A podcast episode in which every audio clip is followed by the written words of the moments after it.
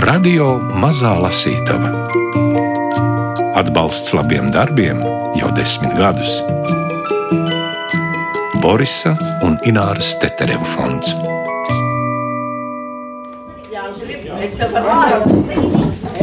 Mēs varētu ielikt arī to jūtas kārtu te pa vidu. Kamīnas, kurās un sprakšs, krēsli salikti, grāmatas arī.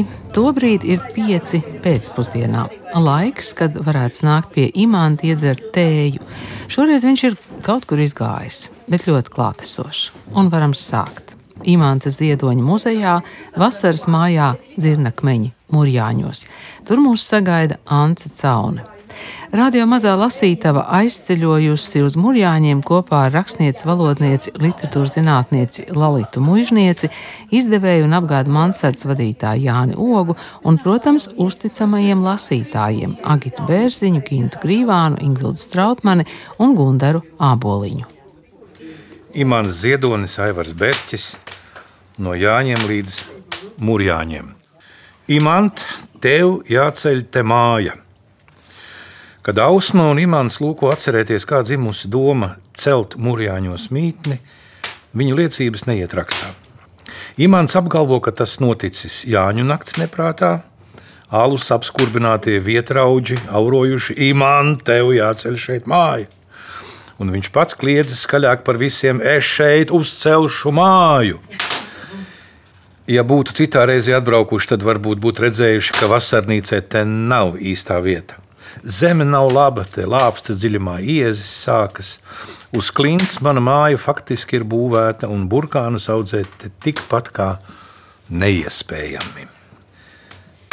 Tā tagad viņš saka, bet par imantu jau nekad nav skaidrs, vai viņš runā nopietni vai dzen vēlnu. Ausma stāsta pavisam ko citu. Tas tiešām noticis Jāņa dienas rītā pēc negulētas nakts, bet šo vietu Imants izvēlējies tieši tāpēc, ka te lielas priedes un laba elpa viņa slimajām plaušām. Labs mikroklimats, tā viņa saka. Tas nebija nejauši par to, pēc tam sprieduši dikti un ilgi. Rādi iebilduši, kāpēc vidzemē, ja pats esi kurzemnieks, kāpēc mūrjāņos, ja ragaciemā jau ir tēva mājas. Imants strīdējies viņiem pretī. Mans tētiņš nekad jūru nav mīlējis. Es arī jūru neesmu mīlējis. Esmu zemnieks. Mēs gribam projām no ūdeņiem. Ne mums ar tevi lasītāji kāda daļa, ne mums jāizšķir, kam taisnība.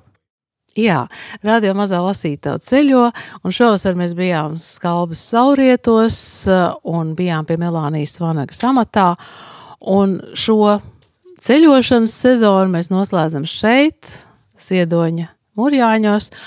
Un man ir tāda sajūta, ka viņam varbūt tīri labi patikt, ka mēs te sabraucam, lasām, sarunājamies. Nu, jā.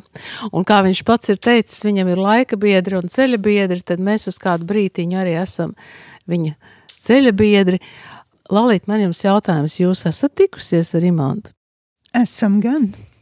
Ak, Dievs, pirmo reizi mēs satikāmies uh, sapņos.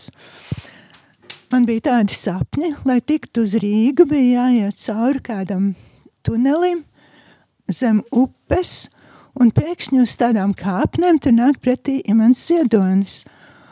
Un kāds mūs iepazīstina, nu jauki. Pēc kāda laika man ir nākošais sapnis. Atkal tikt uz Rīgu, satiek imants ziedoni, kāds mūs grib iepazīstināt, un es saku – bet mēs taču esam jau iepazīstināti. Un tad es apjēdzu, ka tas taču bija sapnī.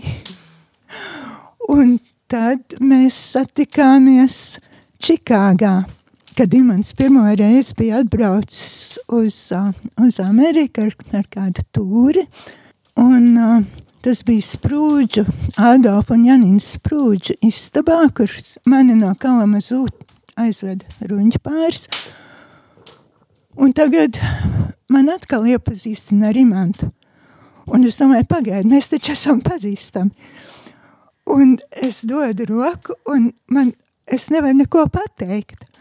Un tad Imants tā skatās uz mani, un, un beidzot es saku, nu, es esmu Lalita mužnieca. Un Imants saka, Lalita, es tikko izlasīju tavas pēdas. Kā tu tik pie manām pēdām? Man Jānis iedeva, vai Mērs iedeva, es neatceros. Un man tās pēdas palika uz nakts galdiņa, un tās ausma tagad lasa. Nu tā, un pēc tam mēs satikāmies vēl daudzas reizes. Jā, es domāju, šajā brīdī ir jāpaskaidro, kas ir pēdas un kāpēc šeit ir mansardu vadītājs izdevējs Jānis Soga, tāpēc kā divus Lalitas darbus, pēdas un Melita Rīgā, mansards tūlīt izdos, Jāni, tad jums ir jāizstāst, kā jūs ar Lalitu satikāties arī sapnī. Gribētu teikt, ka ik viena tikšanās ar Lalitu nepārspīlējot ir kā sapnis, jo mēs tik daudz katrs gūstam satiekot un pazīstoties ar Lalitu. Tāpēc mēs esam priecīgi, ka Lalita beidzot ir Latvijā ilgāku laiku nekā līdz šim, kad viņi vairāk braukāja šurp turpu starp Kalamazu un Rīgu. Un tagad pie Lalitas meža parkā tieši vai, vai attālināti. Es zinu, ka dodas daudz latviešu literatūras zinātnieki, dzinieki un, un, un kultūras darboņi. Un Lalita nu pat ir nosvinējusi skaistu jubileju, ir būtiski, manuprāt, šajā kontekstā minēt, ka Lalita ir dažus gadus jaunāka par Imantu Ziedonu un Jāru Vācieti, dažus gadus vecāka par Māru Čaklonu un Jānu Peteru, bet tā ir viena paudze. Un Lalitas darbi arī dzan Melita Rīgā faktiski stāsta gan par savu, savu dzimtas pēdu meklēšanu, bet arī savas paudzes, savu sakņu, savas dzimtenes meklēšanu. Un lielā mērā viņa to sastopa gan tiešos kontaktos ar dziniekiem, kurus viņa satiek Rīgā. Pirmo reizi atbraucot eh, uz Rīgu 1974. gadā, gan arī dzen, pētot un mācot saviem studentiem Rietumu-Mičiganas Universitātē latviešu dzēju. Un to dzēju, kas ir rakstīta gan tā brīža, kā mēs sakām, padomi Latvijā, gan trimdā pēdas ir īstenībā ilgus gadus. Es, es domāju par to, kas notika 40., 41., 42., 43. gadā. Un kas notika ar mums, un kas notika ar mūsu ģimeni, un kas notika ar mums visiem, kas, kas um, izbraucām no Latvijas tajā laikā. Uh, Un tad, jā, es īsti nezinu, kas bija pamudinājums, bet tad pienāca viens brīdis, ka es vairs nevarēju nerakstīt. Patiesībā varbūt pamudinājums bija, kad man māte nomira un, un es atradu viņas portfelī mana tēva vēstules no centrāla cietuma, 41. gadā rakstītas, un mans mātes piezīmes. Un nu, tad pienāca brīdis, kad es vienkārši ķēros pie spalvas un rakstīju augšā. Mans, mans tās bija Jūlijas Lācis, un mana māte bija Rūta Skuiņa. Jā, tagad pēdas, ja? Kur tu paliki? Te. Ko tu dari? Tētis mani māca spēlēt šahu. Mēs sēžam uz grīdas. Tētis ir pacietīgs. Tas ir tornis. Tas iet tikai tā, tikai pa taisnu platu ceļu. Bet laidnis skrien šķērsām, pa stūriem. Pret laidni nevar nosargāt no priekšas un no sāniem, bet viss trakākais ir zirgs. Tas lec, redz kā hop, hop, uz sānu un šķērsām, vai arī hop, hop, šķērsām un uz priekšu. Zirgs var lēkt citiem pāri galvām, no zirga ir jāuzmanās vienmēr apskaties. Dāma iet uz visām pusēm. Taisni šķērsām, bet cauri šķēršļiem viņa netiek. Tu redzi, kā viņa glūna uz tavu torni. Bet tu paņem šo zirgu un hop, hop, noliec tornim priekšā. Nu, tavs tornis ir paglābts. Un tas karalis. Karalis ir jāsargā. Ja karalis krīt, tad spēle cauri. Nu, izmēģināsim. Karalis Kārlis, Kārlis 12. cīnījās pa vidzemi kā traks. Pretī Pēters, Piotrs I. Karalis. Tēti, vai Kārlis Ulmanis ir karalis? Viņš ir prezidents. Kas ir prezidents?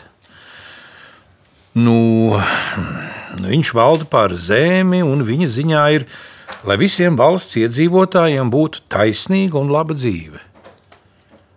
Tas jau ir karalis tad. Vai viņš ir labs karalis? Bērniņi, labumu un nelabumu nevar tā noteikt. Neviens nav vienmēr labs, un neviens nav vienmēr slikts. To arī ne. Es arī ne. Tu esi gan, tu esi vienmēr labs. Un tā nu nebūs viss. Vai viņš arī var krist? Viņš kas? Karalis Kārlis. Nav neviena, kas nevarētu krist dūdiņu. Tēti, tavs karalis tūlīt kritīs. Paskaties, melnais zirgs ir te, un viņam ir kārta lēkt. Tu redzi? Pēdas bija avotā. Tas nozīmē, ka tās bija nodrukātas žurnālā avots. Bet Nevis iemērtas avotā, bet žurnālā. Bet Melita Rīgā. Melita Rīgā, nu, fragmenti ir nodrukāti arī avotā. O, citur jau nē. Tas bija 74. gadā. Līdz tam laikam jau bija sākušās dažādas stūres no Amerikas uz Latviju. Un man bija divi bērni. Tajā laikā vienam 13, otram 15 gadu. Un es sapratu, ka ja es viņus neatvedīšu uz Latviju un neparādīšu, ka tāda Latvija patiešām ir, tad viņi pēc kāda laika sāks domāt, ka nu, ne jau tieši izdomāts, bet nu, tādā dzīvo vecāku, vecvecāku, vecu cilvēku atmiņās, iztēlē un tā tālāk. Un tad tajā gadā es pieteicos arī vienai tādai tūrei, un mēs atbraucām. Un toreiz uz Latviju varēja tikt tikai ar ekskursijām, kas bija jāorganizē cauri intūristu, un jādabū visāds atļaujas no Padomju Savienības vēstniecības Vašingtonā. Un, un tā nu mēs to visu izdarījām, mēs arī atļauju dabūjām. Nekad nevarēja zināt, vai varēs dabūt tādas atļaujas, vai nevarēs dabūt, bet nu, mēs dabūjām. Mēs uh, lidojām no Kanādas, laikam, nu, es tā domāju, varbūt drošāk, lai tad tomēr nevar tā īsti sadzīt visas pēdas. Protams, ļoti naiva domāšana. Tā vīza bija uz divām nedēļām, bet uh, uz divām nedēļām mēs uz Latviju netikām, protams. Es pirms biju četras vai trīs dienas, laikam, Ļeņingradā, un tad desmit dienu, nepilns desmit dienas Rīgā, un pēc tam vēl dienu uh, Maskavā. Bet no Rīgā mēs ielidojām tieši tagad, respektīvi 10. septembrī, un tā bija manas meitas 14. dzimšanas diena. Viena daļa tieši no dzīves, un viena daļa diezgan nenodzīves. Mm -hmm. mazliet, mazliet fantazijas klāt. Mēs varam vienu epizodi no tā, kā jūs naktī meklējāt to ceļu. Ja? Ah, nu tā, tā epizode notika. Jā, jā no dzīves. Tad lasām iz dzīves. Labu laiku braukusi, Melita nolēma tagad. Ja nebūs pareizā iela, paies mazliet uz vienu vai otru pusi. Melita izkāpa, neviens cits neizkāpa. To Melita ievēroja. Un pavisam drīz viņa ievēroja arī to, ka neatradās tajā ielā, kur vajadzēja. Kaut kur tramvajs bija metis līkumu. Iela bija tumša, Melitai gan bija Rīgas karte, bet tā bija Krievu valodā.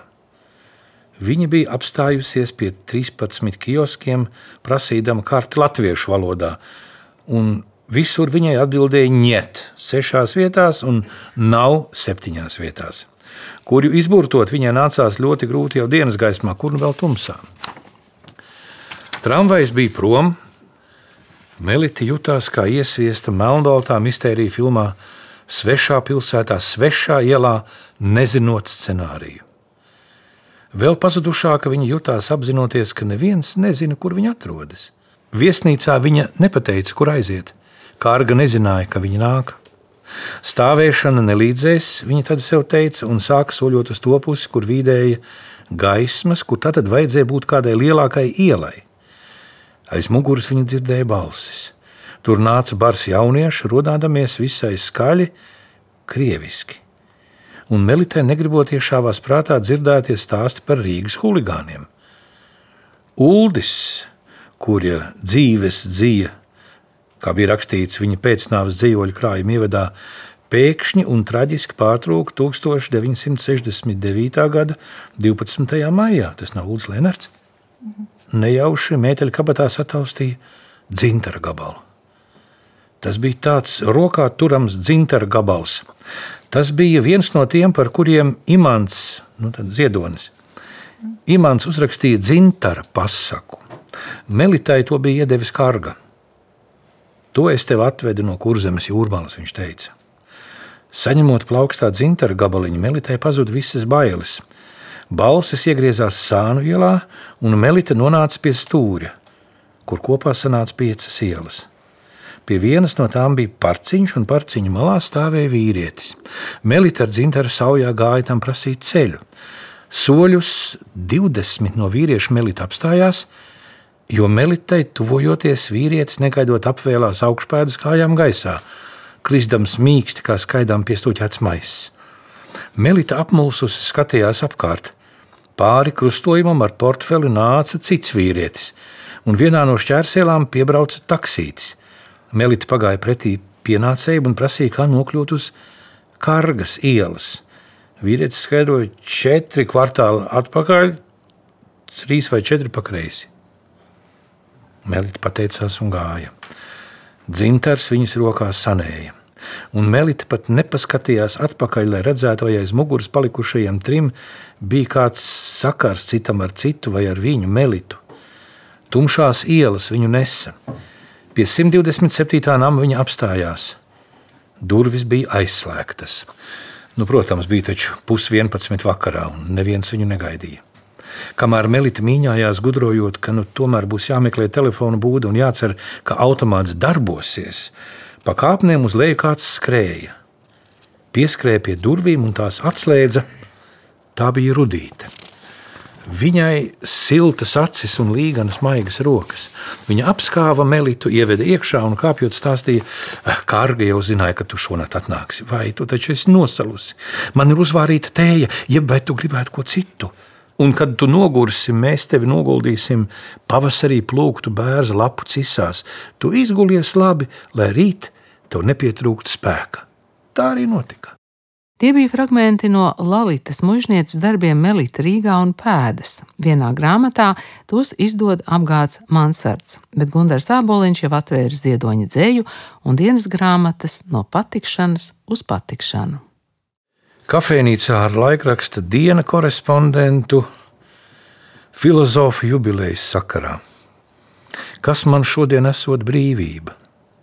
Bet pirms tam tikām runājuši, ka filozofi iestājās pret jebkādu formulēšanu un definēšanu, kad savā laikā aicināja noformulēt latviešu savpatnās vērtības daudztautas saskarsmes vajadzībām atgriežoties Eiropā. Tagad nu vajag formulējumu. Pēc intervijas vakarā formulējums arī uzrādās. Par brīvības manu izpratni šodien Mācos brīvību kā spēju un prieku par šo spēju dzīvot neformulētā īstenībā. Tautiskā vienkāršībā tas teiciens skanētu: Nē, es zinu, ne man tas jāzina.